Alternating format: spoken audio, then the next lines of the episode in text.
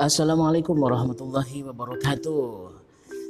Hamidanillah wa musallian ala Rasulullah sallallahu alaihi wasallam. Alhamdulillah, bagaimana sahabat inspirasi perubahan dimulakan oleh Allah? Saya berharap Anda semuanya dalam kondisi yang sehat, tetap dalam keberlimpahan, dalam iman, dalam Islam, dan senantiasa mendekatkan diri kepada Allah Subhanahu wa taala. Sahabat inspirasi perubahan dimulakan oleh Allah pada kesempatan yang sangat luar biasa ini eh, kita akan sama-sama berbagi tentang waktu. Kenapa kita membahas tentang waktu? Sahabat yang dimulakan oleh Allah. Sebentar lagi kita akan meninggalkan tahun 2019. Kita akan masuk ke gerbang tahun 2020. Nah, menarik ini.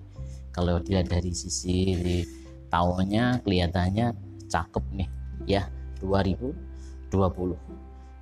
Semoga nasib kita pun juga akan cakep di tahun 2020. Amin ya robbal alamin. Lah bagaimana agar nasib kita cakep, nasib kita itu sukses? Maka faktor yang sangat penting dalam kesuksesan seorang manusia, maka kita harus memperhatikan yang namanya waktu. Siapa yang menciptakan waktu? Tentu Allah Subhanahu wa taala. Apa sih waktu itu? Sahabat muda dimulakan oleh Allah. Coba ketika kita ingin tahu waktu, coba tangannya semuanya memegang dadanya masing-masing rasakan apa yang uh, bisa dirasakan di dalam dada. Nah benar. Itu adalah detak jantung kita. Waktu adalah detak jantung kita. Ketika kita masih bisa merasakan detak jantung kita artinya apa?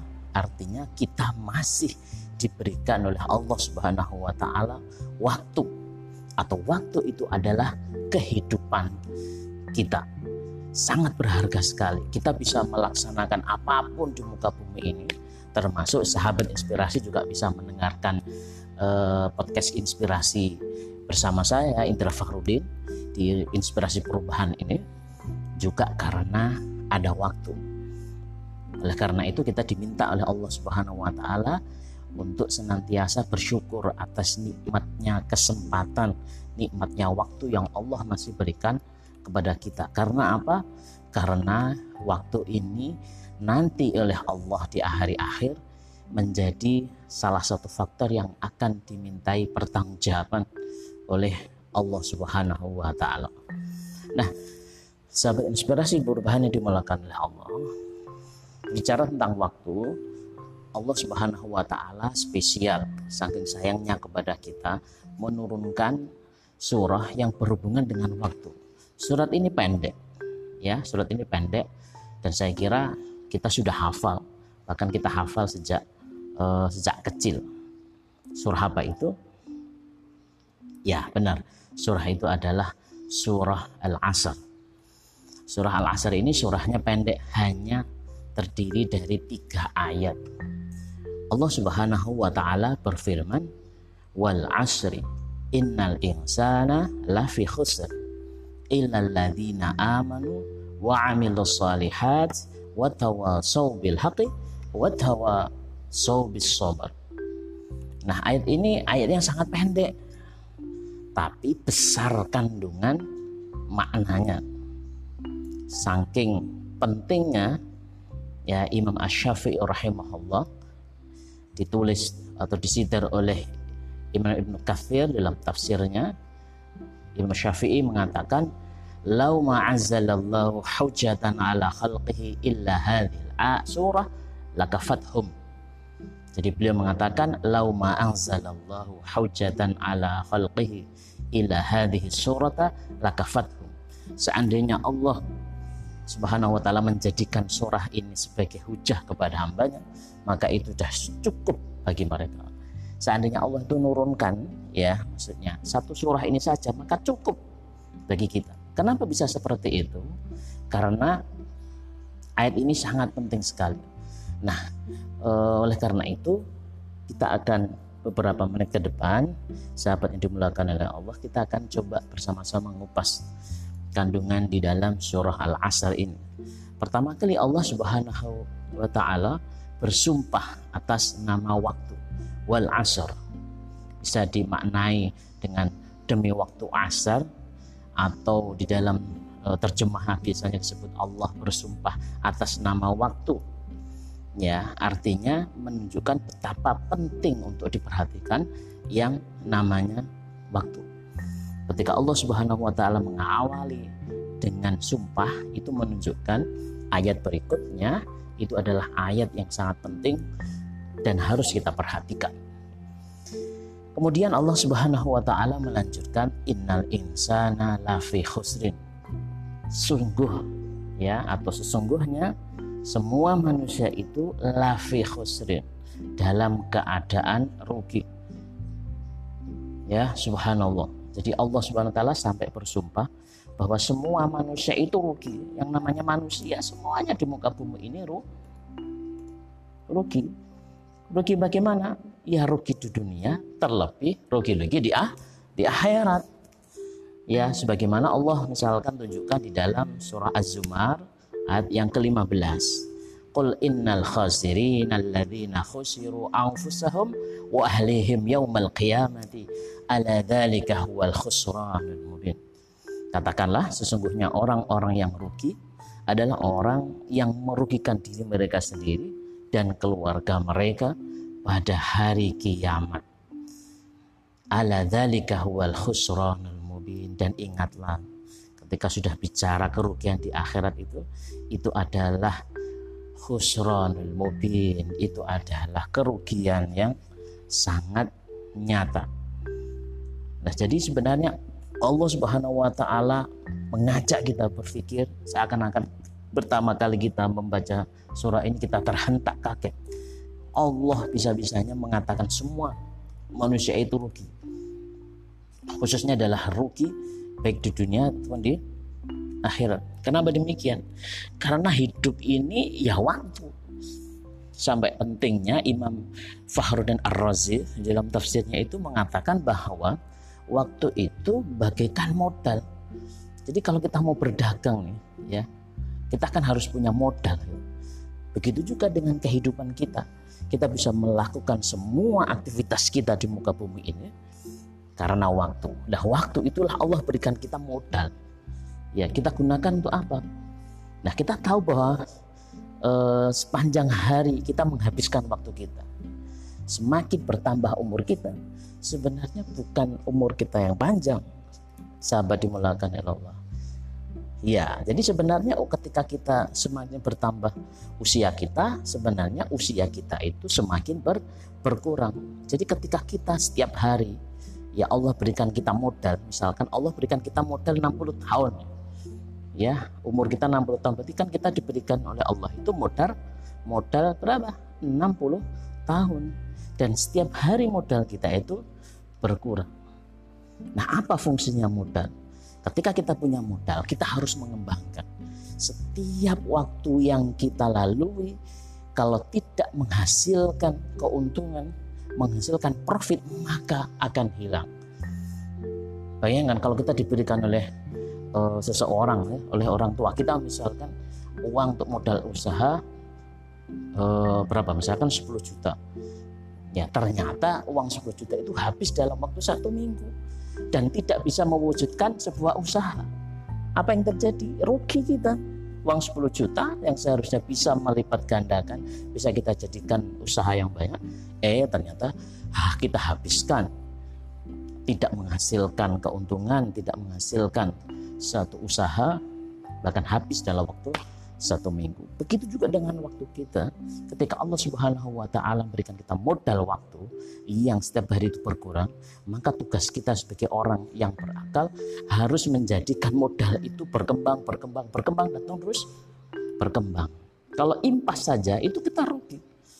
Maka hanya ada satu jalan, kita harus mengembangkan modal ini dan modal inilah nanti yang akan diminta pertanggungjawaban Allah Subhanahu wa taala di akhirat kelak. Nah, jangan khawatir, sahabat. Inspirasi perubahan yang melakukan Allah. Ternyata kalau kita lanjutkan Allah Subhanahu wa taala masih memberikan kita harapan. Ternyata apa? Allah memberikan pengecualian. Tidak semua ternyata manusia rugi. Ayat itu tidak berhenti di situ. Ternyata apa? Allah masih melanjutkan kecuali. Nah kecuali ini siapa? Yang termasuk golongan orang-orang yang tidak merugi tersebut. Yaitu adalah illalladzina amanu wa amilus solihat wa tawassaw bil wa tawassaw bis. Ternyata syarat manusia yang tidak merugi itu yang pertama dia harus punya iman. Nah, catat ini kita harus punya iman nih. Yang kedua, kita harus punya amal soleh. Dari iman itu melahirkan amal soleh. Nah, dari iman dan amal soleh itu akan berkembang menjadi nasihat senantiasa membiasakan diri dan nasihat kebaikan dan nasihat kesabaran. Nah, jadi iman itu itu menjadi syarat penting. Semua manusia rugi kecuali orang yang beriman. Artinya apa? Beriman kepada Allah Subhanahu wa taala. Pertama kali manusia tugasnya adalah ma'rifatullah. Dia harus mengenal Tuhannya. Dia harus mengenal Allah. Manusia yang Allah berikan potensi akalnya tidak digunakan pada satu titik menemukan siapa dirinya, siapa penciptanya. Bahkan kalau sampai ada yang mengatakan dia tidak e, mengatakan atau sampai berfaham ateis, nah ini Pak bilang maka dia akan rugi selama-lamanya. Ya, orang kafir itu rugi selama lamanya. Mungkin lain waktu kita akan bahas bagaimana kerugian orang-orang kafir ini. Insya Allah kita akan bahas di uh, podcast berikutnya. Baik, jadi ketika seseorang itu sudah beriman, maka dia tergolong orang yang beruntung. Artinya apa? Ketika dia itu tidak beriman, seluruh hidupnya, seluruh waktunya sia-sia. Ya, sampai di sini bisa dipahami? Baik, kita lanjutkan. Sahabat inspirasi perubahan dimulakan oleh Allah. Yang pertama tadi iman. Iman itu akan menumbuhkan amal soleh. Iman yang sehat, iman yang benar, itu akan menghantarkan bagi seorang yang mukmin untuk tumbuh amal amal soleh. Yaitu apa? Ya keterikatan dengan syariat Allah Subhanahu wa taala menjalankan semua perintah-perintah Allah Subhanahu wa taala. Suatu amal dikatakan amal soleh ketika amal itu diikat dengan i, iman sehingga amal soleh inilah amal yang nanti akan menjadi modal besar yang akan menjadikan berkah-berkah pahala lapis-lapis pahala Sahabat inspirasi perubahan dimulakan oleh Allah.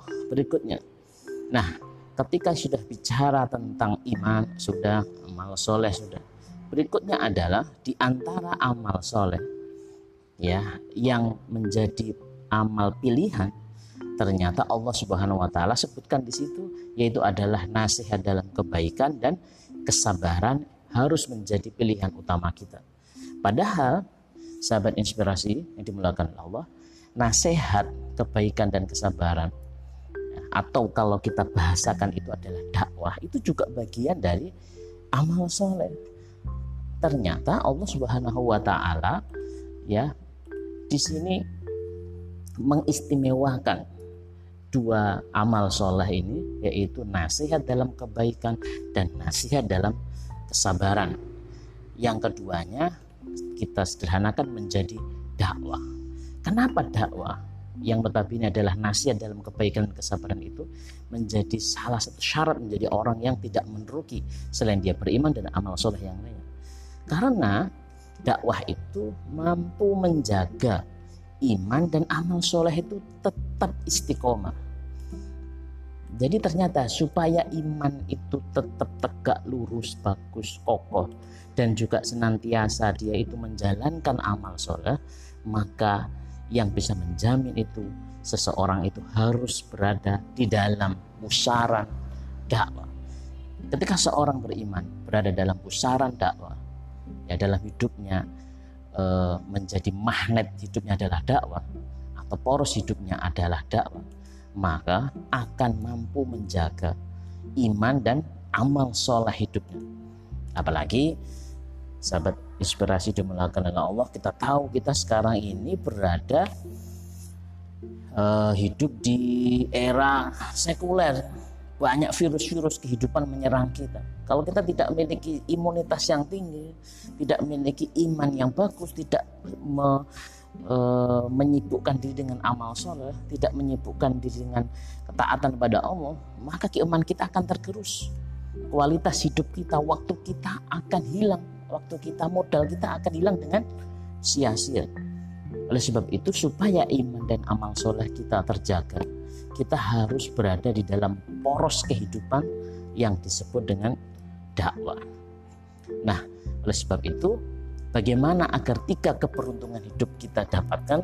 Kita harus senantiasa berada di dalam keimanan, berada di dalam amal soleh, dan berada di dalam aktivitas aktivitas dakwah.